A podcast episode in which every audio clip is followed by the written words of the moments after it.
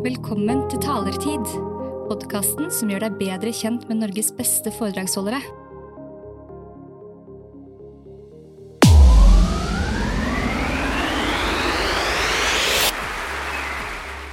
Wow.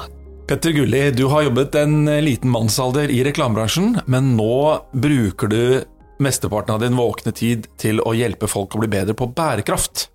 Hva legger du i ordet bærekraft? Jeg blir ofte spurt hvordan bør vi snakke om bærekraft, siden jeg er gammel kommunikasjonsmann. Og da pleier jeg å si det bør vi ikke. For det ordet er så stort og tomt. Eh, Det inneholder alt og ingenting. Eh, Jeg tror det var Odd Arild Grestad, administrerende i Storbrann, som sa på Storbrannkonferansen i fjor at eh, bærekraft er like håndfast som tåke. Så jeg liker å si bærekraft og samfunnsansvar sammen. For det gamle samfunnsansvarsbegrepet, det er tydelig. For du kan snu det på hodet, og så kan du si tar du ansvar for samfunnet? Så da blir en, kan du si, en virksomhet da, satt mye mer eh, på plass hvis de, de får et kontrollspørsmål som er sånn. Da. Og hvor opplever du at den største utfordringen er i dag for å leve og jobbe mer bærekraftig i, i Norge? Vel, den, den største utfordringen, og mange tenker å det største er klimautslipp eller natur og sånt, og det er klart at det er eh, egentlig symptomer på det store problemet, som er forbruket vårt, og som egentlig ingen tør å snakke ordentlig om. Et forbruk som er 25 høyere enn snittet i EU. Eh, en, en, på en klode hvor vi bruker 70% mer ressurser enn kloden klarer å regenerere, og hvis så vi bruker altså 1,7 kloder i året, da. mens hvis alle hadde brukt som oss, så hadde vi brukt 3,6 kloder. Det er Så vi Ja, det, det, det er for mye. Og vi trenger sånn sett, ikke sant, å få redusert forbruk og få ting inn i sirkularitet, for eksempel. Og sånn at vi kan gjenbruke ting mye oftere.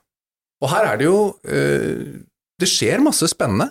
Det går for sakte, mener jeg, men det skjer også veldig mye spennende. Så vi må både bruke mindre, altså kjøpe færre produkter, og så må vi være flinkere til å resirkulere eller selge eller produsere nye ting av de tingene vi ikke har Ja. for lenger. Og, og re resirkulering er kanskje siste utvei før det, skal, vi skal redusere øh, øh, Vi skal redusere forbruket vårt, så skal vi eh, reparere, og så skal vi gjenbruke, eller gjenbruke, og så skal vi reparere.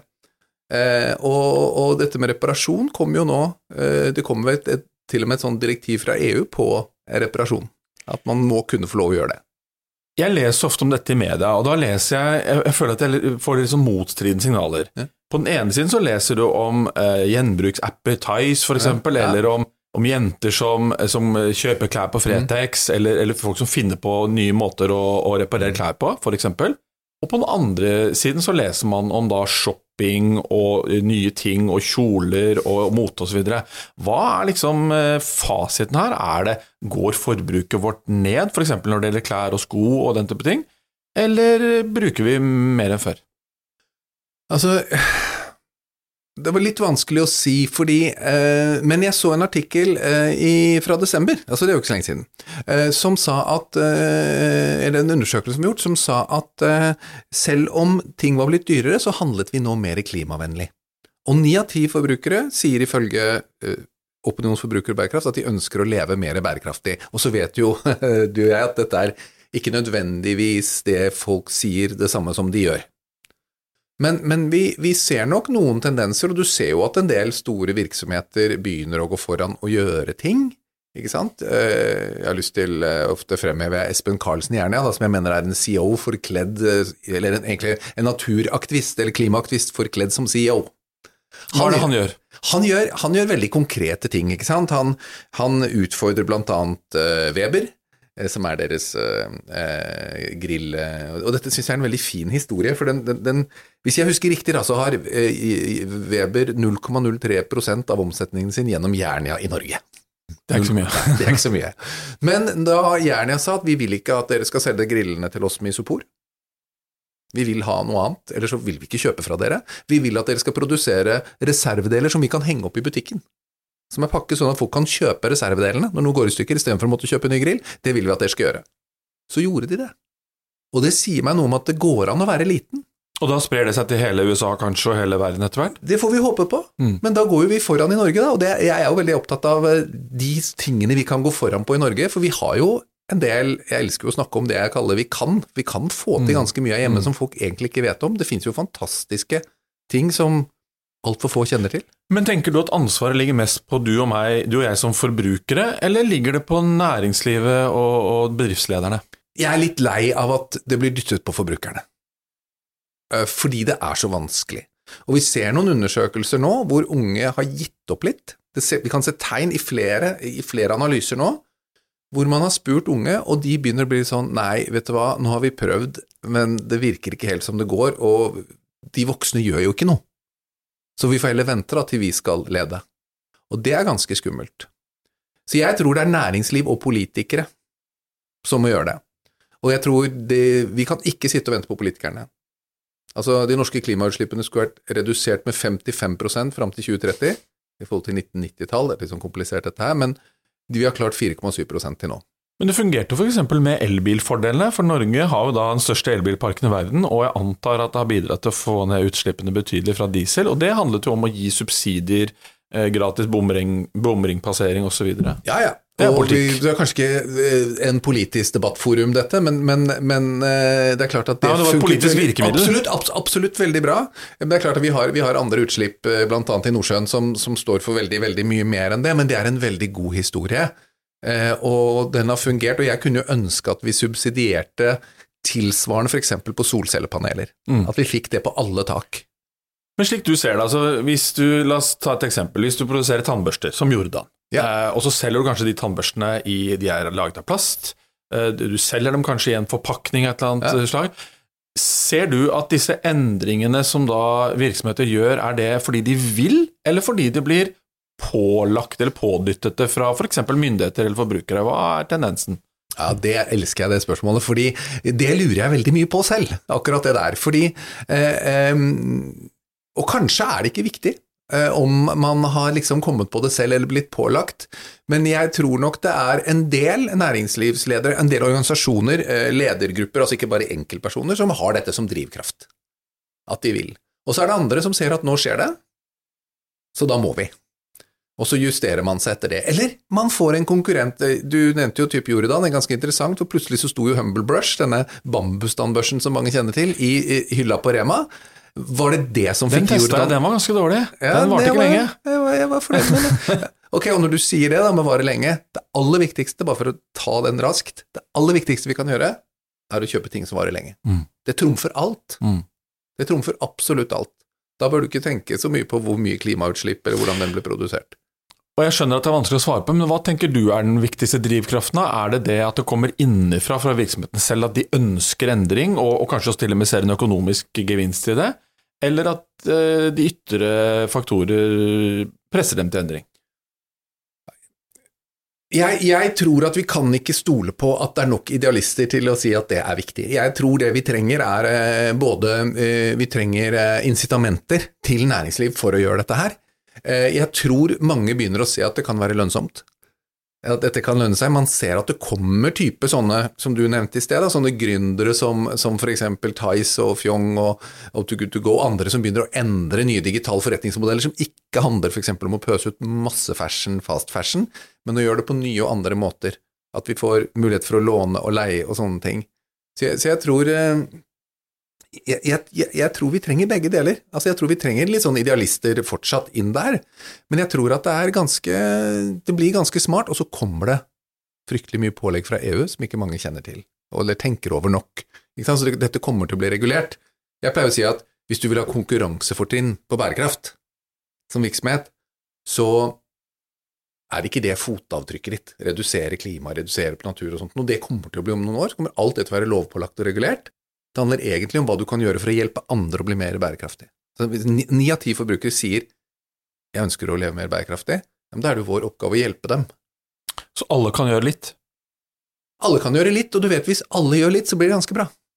Det startes jo opp mange virksomheter, og, og det- er mange som går inn med penger, altså investorer som går inn i virksomheter. Hvor viktig er det nye som skjer, kontra sant, å forandre gamle, 100 års eh, gamle bedrifter? Det, det nye er viktig, eh, enormt viktig, og vi kan bare gå spole tilbake til 90-tallet og se på digitaliseringen.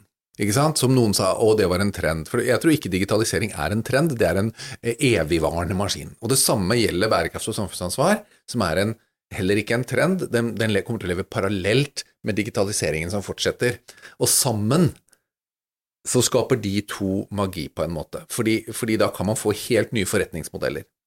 Og jeg tror jo at det, det, de nye forretningsmodellene har en veldig, veldig viktig rolle inn i å dreie oss i riktig retning. Samtidig så er det mange av de gamle som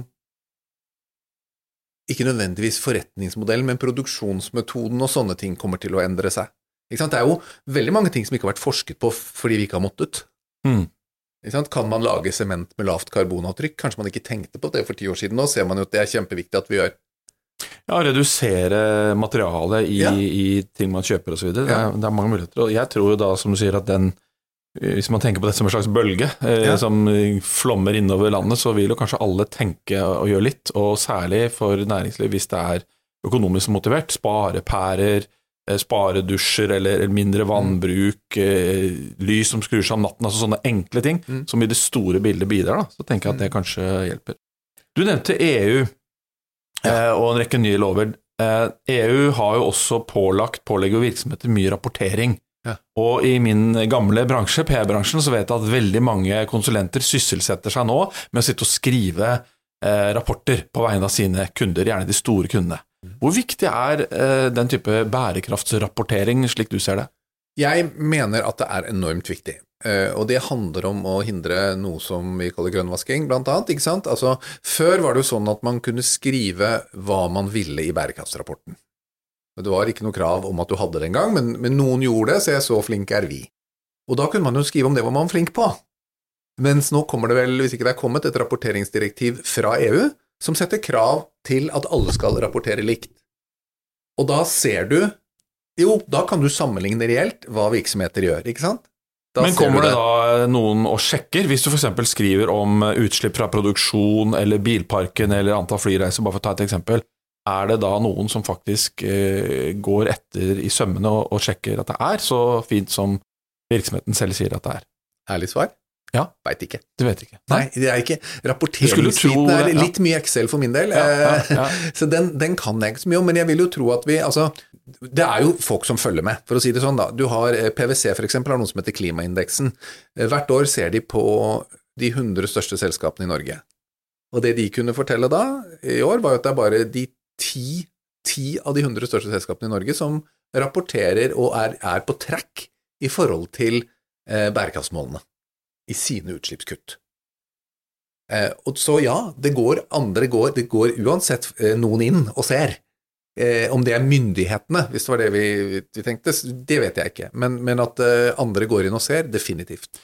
Nå nevnte du en type indeks, og det er også en av tingene som eh, i hvert fall jeg ser som ikke jobber i dette markedet daglig, at det er veldig mange lister og indekser og kåringer og priser og diplomer osv. Og, så og det kan jo være bra, men kan det også bli en sånn eh, ja, litt sånn window dressing, eh, hvilepute, illusjon om at her gjøres det masse, mens sannheten kanskje ikke er så god? Ja. Det var det korte svaret. Ja. Eh, og, For, forklar. Ja, eh, fordi eh, du har f.eks. en del undersøkelser og indekser som sier hvem er best på bærekraft. Du har Systemet Sustainable Brand Index, du har eh, bærekraftsbarometeret som vel BI og et eller annet institutt har, du har flere. Eh, der har du for eksempel, sant, da ser du hvem er best bære, hvem blir oppfattet som mest bærekraftig i sin klasse. Det er litt skummelt, fordi det det faktisk er, er ikke hvem som er mest bærekraftig, men det er en oppfatning, og det er en hjulpet undersøkelse, så folk får se noen navn eller noen logoer, og så skal de si hvem de tror. Da Opinion i sin forbruker- og bærekraft eh, for i hvert fall for et par år siden gjorde, eller også tror jeg i fjor, gjorde stilte spørsmålet hvilke virksomheter i Norge er mest bærekraftige, så var det ett svar som fikk 70% og det var ingen. En mulighetsrom så der. hjulpet, ikke sant? Så jeg er litt bekymret for at disse undersøkelsene blir, jeg, jeg liker at vi konkurrerer om bærekraft. Jeg vet jeg vil at Norge skal bli verdensmestere på det. Vi er verdens første på en del områder. Det er en av mine misjoner å snakke om, liksom. Men, men, men jeg er redd for at sånne konkurranser, hvis ikke de revireres knallhardt eh, og har selvjustis i det de gjør, kommuniseres feil i efterkant. Mm. Der vet jeg at Sustainable Brand Index i år har tatt grep. At man får ikke lov til å fortelle om den uten å vise den logoen som det står at man er oppfattet som det mest bærekraftige merket. Ikke at man er det. Nå har vi jo snakket om bærekraft mye i lys av klima, utslipp osv., og, så videre, og det er gjerne det man tradisjonelt tenker. Man kobler gjerne til natur og miljøvern, som Mm. var det gamle begrepet. Eh, I det siste har det også blitt eh, nevnt et litt nytt begrep, nemlig sosial bærekraft. Ja. Hva handler det om, og, og hvordan står det til der i Norge, slik du ser det? Ja, vi har de har, det har fått veldig høy fokus nå. Og hva handler det om? Mye høyere fokus. Det handler jo om alle de andre tingene som likestilling, diskriminering, inkludering, kanskje at vi, eh, at vi behandler eh, arbeidere bedre. Her hjemme, ja, men ikke minst at vi passer på at de leverandørkjedene våre bakover, kanskje helt bort til Asia eller Afrika eller Europa, at det er ordentlige forhold hele veien. Og det, det har fått, på grunn av norske åpenhetsloven blant annet, fått uh, mye større fokus. Eh, vi ser jo også fokus på eh, Det har vært mye fokus rundt pride eh, og selskaper som kaster seg på der, kanskje. På, på andre ting, da. Et, et mangfoldig arbeidsliv, ikke sant. Noen Jeg fikk et veldig interessant spørsmål fra en kunde her for en stund siden i en workshop jeg hadde med de, hvor de sa er det greit å vise litt mer mangfold i bildene vi bruker, enn det vi faktisk har? Ja. Og de var jo helt sikre på at da skulle jeg rope høyt 'grønnvasking fy', men jeg sa at nei, jeg har ikke noe imot at vi viser den verden vi ønsker oss i kommunikasjonen. Det må bare ikke bli så påtatt at når du går inn i selskapet, så ser det ikke sånn ut etterpå. Ja, for det jeg så en annonse senest i avisen i dag, hvor det var virks en virksomhet som hadde generalforsamling, og hvor det da viser bilde av en farget person. Og det høres kjem- kjem- kjempefint ut, det, men min første reaksjon var jo dette er en form for sånn Hva kaller man det? Altså, de prøver å framstille seg selv som bedre enn det de er, da. Ja, det, det er jo mange begreper Det rundt dette her. mitt. Ja, ja, klart. Ja. Og det er veldig mange begreper rundt dette her. For vi, du, vi snakket om, eller vi kan sikkert også snakke litt mer om grønnvasking. Har man Mm. eksempel, så har du noe som kalles pinkwashing. Og det er da hvis du begynner med pride og sånne ting. Og så sportswashing har vi hørt om. Sportsvasking har vi hørt om, og så har du helt sikkert mangfoldsvasking. Jeg snakker en del om løftevasking. Ja. Mm, Man holder ikke det man lover, ikke sant. Så, så det er blitt ganske mange begreper rundt dette her, da. Men, jeg, men, men, eh, men det er viktig med sosial bærekraft, også i Norge. Mm. Jeg pleier å, å, å fremheve et bilde i, i mine foredrag, da. Hvor jeg, jeg spør eh, salen retorisk hvem er den eh, mest eh, eh, hvem, er den tøffeste fotballpersonen eh, Jeg skal vise dere et bilde av en fotballspiller, og i det bildet er det fire bærekraftsmål, C, Mm. Som ikke noen av dem er klima og natur. Så hvem er den tøffeste fotballpersonligheten i Norge? Kan jeg spørre deg? Det sier noen kanskje. Martin Ødegaard eller eh, Haaland. Haaland, ja. Så sier jeg nei, det er ikke det, sier jeg. Det er en lesbisk kvinne. Ja. Og så viser jeg bilde av Lise Klaveness, Mm. da hun har nettopp har talt det berømte bildet hvor hun kommer etter å ha talt Fifa midt imot. Nettopp. Da har hun snakket om hun har snakket om arbeideres rettigheter, som vi snakket om, for sosial bærekraft. Sant? Mm. Hun har eh, snakket om korrupsjon som stort problem. Det er et annet bærekraftsmål. Hun har snakket om eh, Hun har sagt at hun er lesbisk, som ligger un, un, under diversity-bærekraftsmålet. Eh, og så har hun snakket om at hun er kvinne, som går på likestilling. Modig. Så, så ja, men der har vi altså ikke sant, fire mål, hvor tre av dem i hvert fall handler om sosial bærekraft, skal vi se bort fra at det, og, det, og det tredje handler, fjerde handler om økonomisk bærekraft. Men tror du Norge kan spille en rolle også der? Fordi mange vil jo kunne peke på oss og si det er lett for dere å si, som er så rike og alle disse oljepengene, og dere har et høyutviklet samfunn med, med tross alt ganske stor likhet, demokrati, vi scorer høyt på mange sånne indekser. Er det fare for at vi kan bli litt sånn selvgode og tro at vi skal liksom lære verden om dette her? Ja, øh, ja og Eller- ja, eller ja, nei, eh, ja, altså, Du har jo nevnte selv den norske elbilsatsingen. ikke sant? Den er jo blitt kjent ute i verden som noe veldig smart og veldig bra, og noe man bør ta etter. Så jeg tror, det er, eh, så jeg tror vi absolutt kan gå foran en viss vei. Og, så er det, og jeg mener også vi burde gjøre det kanskje å sette en tydelig sluttdato for oljeleting.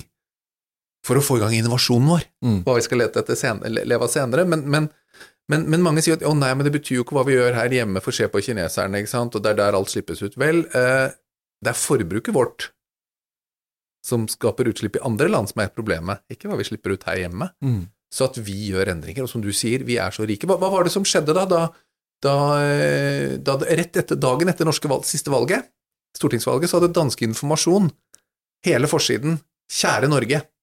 Jeg husker ikke ordrett hva det sto der, men de har tatt hele forsiden. Så kjære, kjære Norge, dere er et av verdens rikeste land.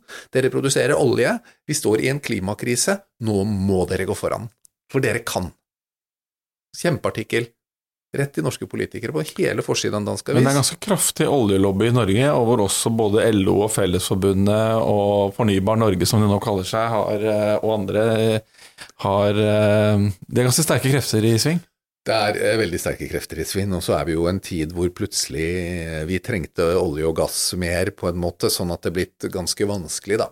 Mm. Men nå, nå i Europa så be- benytt, utnytter man jo det til å bygge ut grønn eh, energi raskere, ikke sant. Så, så det er noe positivt i det òg, da. Ja. Vi skal litt tilbake til grønnvaskingsbegrepet, for du har engasjert deg i det og og annet laget noe som heter Grønnvaskingsplakaten. Ja. Hvilke feller er det norske virksomheter bør unngå for å ikke, ikke drive med grønnvasking? Uh, ja. Uh, hva er det de eventuelt bør gjøre? Nei, nei, nei, det, er- fellene er, det er veldig åpenbart. Vær ærlig og etterrettelig. Uh, ikke gjør små ting store. Hvis du har Så ikke overdriv, Ikke overdrive. Mm. Eh, Det, det første punktet i grønnvaskingsplakaten er eh, jeg, jeg tok initiativ til den sammen med tre andre, bare så det er korrekt, og, og, og nå står det fire organisasjoner bak i tillegg. Men punkt én, det, det, det, plakaten er egentlig ti prinsipper, som er ganske smarte også for å få til mer effektiv kommunikasjon rundt bærekraft og samfunnsansvar. Det første punktet er vær ærlig og etterrettelig. Det er det viktigste. Transparent og tydelig. Ikke ljug, var det mitt første skissetittel der. Eh, og eh, bare for å si det også, da, siden du nevnte det, nå er det over 600 norske virksomheter som har undertegnet på at de skal gjøre sitt beste. Og hvilke flere punkter står det på den listen? Eh, vær ærlig etterrettelig. Um, og hjelpe meg. Ikke, ikke, la, ikke la bærekraftsarbeidet starte i markeds- og kommunikasjonsavdelingen. Det er punkt to. Jeg, vi er heldigvis ikke der lenger. Det, det har endret seg litt, men det var litt sånn, følte jeg. Og så er det en god del om at du ikke skal gjøre det som jeg sa, ikke snakke høyt om små ting eh, som ikke har noe å si for det egentlig klimaavtrykket ditt, osv. Har det blitt bedre de siste årene? Altså Har den grønnvaskingsplakaten og de eksemplene fra media hvor Ja. virksomheter har blitt liksom tatt for å gjøre ting, har det, har det gjort at virksomheten faktisk oppfører, eller kommuniserer på en bedre måte nå? Det er en, en pågående debatt. Jeg satt jo også i grønnvaskingsprisen som eh, de delte ut eh, Forbrukerrådet. Eh, Og det er en sånn pågående debatt om vi som er opptatt av dette, knebler alle de som burde si noe fint, at bedrifter er redd for å snakke. Jeg pleier å si det er ikke vanskelig å snakke hvis man er ærlig, etterrettelig og tydelig forteller hvor man har vært, hvor man skal, hvordan man har tenkt å komme seg dit. Men det er klart at det, det, det så Sånn sett kan du si kanskje det har blitt bedre. å være helt ærlig, vi har ikke så veldig mange sånne veldig stygge eksempler, men det er veldig mye gråsone. Det er veldig mye plumping, altså uti. Man plumper litt uti eh, eh, på, på ting som er unødvendig, sånn som et, eh, et flyselskap som dessverre ikke finnes lenger, eh, men som da de skulle lansere seg for, noen, for et par år siden, Flyr altså, hadde et bilde av eh, ledelsen eller de som sto bak, hvor det var altså da seks menn i dress og verdien, en av verdiene deres skulle være mangfold. Da tok det ca. 30 sekunder, og så var internett fylt av kommentarer. Mm. Så, så, men, men det er noe, det er ikke grønnvasking. Nei. Men jeg pleier å si at uh, kravene til, grønnvask, uh, til grønnvasking og bærekraft og forståelse av dette her, forståelse av dette, det altså, gjør at det krever en helt ny begrepsforståelse hos norske kommunikatører og reklamebyråer og markedssjefer og kommunikasjonssjefer. Vi skal avslutte med å gå litt sånn til, til, til hjemme, hjemmebanen. Eh, Du nevnte i stad at dette, vårt eget forbruk er, eh, er viktig. Eh, Og så er det ikke sånn at de fleste av oss kjøper klær og sko og smykker og sånn hver dag, men vi spiser jo mat, f.eks. Hva kan norske familier, og, og kanskje de som hører på nå, gjøre av enkle små ting for å bidra litt inn i f.eks. å redusere utslipp? Enkelttiltak, eh, spis mindre kjøtt. Jeg ikke, du sier, jeg sier ikke spis ikke kjøtt, jeg er antifundamentalist. Eh, det verste jeg vet er bærekraft, sånne folk som tar den for langt. Jeg tror ikke det er så vanskelig. Nå har jeg faktisk ikke spist kjøtt siden desember selv, Oi! eh, og det er, men, men mye mer fisk. Mm. Så, eh, men, men, men det er sånn at vi kan, vi kan gjøre en del, hel, hel del færre kjøttmiddager. ja, vi kan færre kjøttmiddager. Vi kan la være å tenke oss om to ganger før vi kjøper noe. Spør oss selv om vi egentlig trenger det. Eh, vi kan eh, ikke kjøpe, trenger ikke kjøpe flaskevann så ofte. Det er veldig morsomt, folk som går inn på bensinstasjonen og klager og blir kjempesinte for at det er 25 kroner liter eh, for bensinen, og så går de inn og kjøper en flaske vann til 60 kroner lit- literen. Vann de får inn springen hjemme, ikke sant. Ikke sant? Så vi kan redusere plast og sånn på den måten. Vi kan bytte ut fly med tog. Hvis du skal til Trondheim, Stavanger eller Bergen, nattog det er jeg veldig tilhenger av. snakker høyt om, fordi du kommer midt, våkner midt i byen klokka sju om morgenen, er uthvilt, og du drar ofte seinere. Hvis du har små barn, som jeg har hatt i perioder, eller i perioder nå er de ferdig med det, men så kan man jo dra etter leggetid omtrent, for togene går så seint, og så sover du deg til Bergen eller Stavanger i stedet for å ta det flyet. For Oslo-Trondheim er en av Europas mest trafikkerte flyruter. Mm. Så, så, vi kan gjøre det. Uh, og så kan vi da passe oss for salg, salgsfella, så jeg snakker, som jeg ikke gå i salgsfella, sier jeg.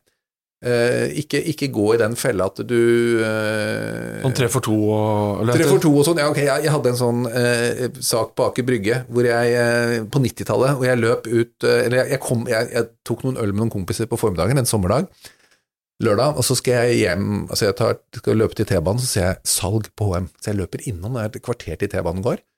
Løper innom, så ser jeg et et stativ med, tre, eh, med, med jeans det står jeans 99 kroner. Så jeg røsker med meg tre par jeans inn i prøverommet, drar det på, ja, det så fint ut, ja, den så fin ut, den så fin ut, ut og rakk T-banen. Eh, kommer på kvelden, skal jeg ut på byen, ta på meg jeansene. Sitter så dårlig i rumpa, ja. den første. Hva er ja. dette, da? Tar den av, tar på den neste, og den tredje.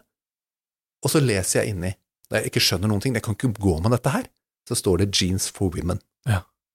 Fordi jeg senket garden i prøverom og tenkte ja, men det går så bra. Jeg, treng, altså, jeg trenger sikkert en sånn Du løy rosa, litt for deg selv? Løy, men jeg trenger sikkert Hjelmen er litt kort, eller fargen er litt rar, eller blomstrete chiffongskjorte. Ja, sikkert kjempegøy, en sommerfest. Og så fyller vi opp skapene våre med masse ting vi ikke trenger. Og det som er poenget med det, er veldig dårlig økonomi.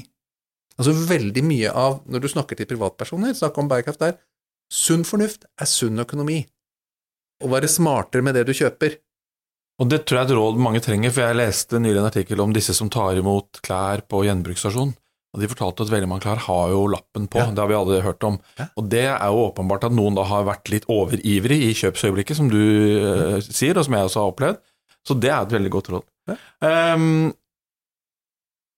og jeg tenker kanskje at hvis man som bedriftsleder, for å komme tilbake til det igjen, også hjelper medarbeiderne sine til eh, mindre reising, eh, mindre matkasting, Eh, eh, det handler om noe så enkle ting å bruke mindre papir på kontoret, selv om det høres veldig sånn gammeldags ut. Så vil jo det også hjelpe. Jeg fløy med SAS nylig, og da var det jo koppene har blitt mindre. Mm. Eh, mindre kaffe. Jeg vet ikke om det er galt eller riktig, men det er i hvert fall en måte å redusere mengde kaffe på. Mm. Kanskje fordi folk ikke drakk hele koppen før.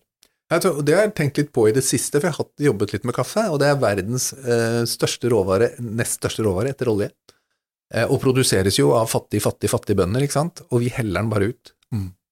Ja, det bare bare kaffekoppen stå, vet du. Det må jeg slutte med. Ja, jeg mener man burde, måtte, vi skulle betalt på jobben for kaffen. Da hadde vi hatt bedre. Helt til slutt, når du ja. holder foredrag om bærekraft, det gjør du ofte, og det har jeg hørt, for det er med stor energi, gode bilder og sterk entusiasme. Mm.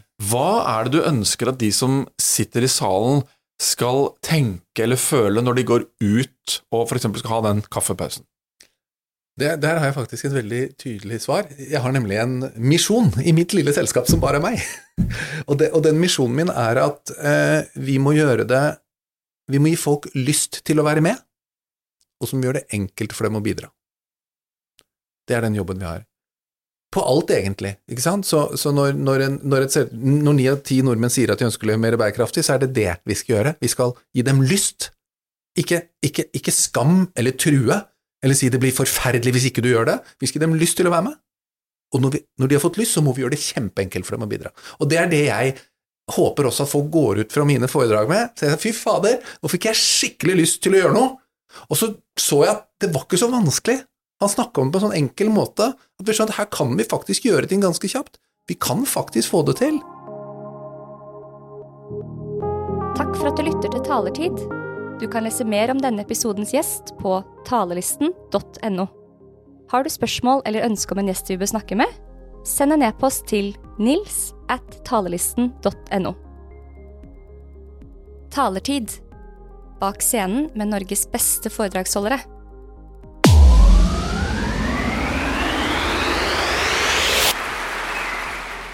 Wow.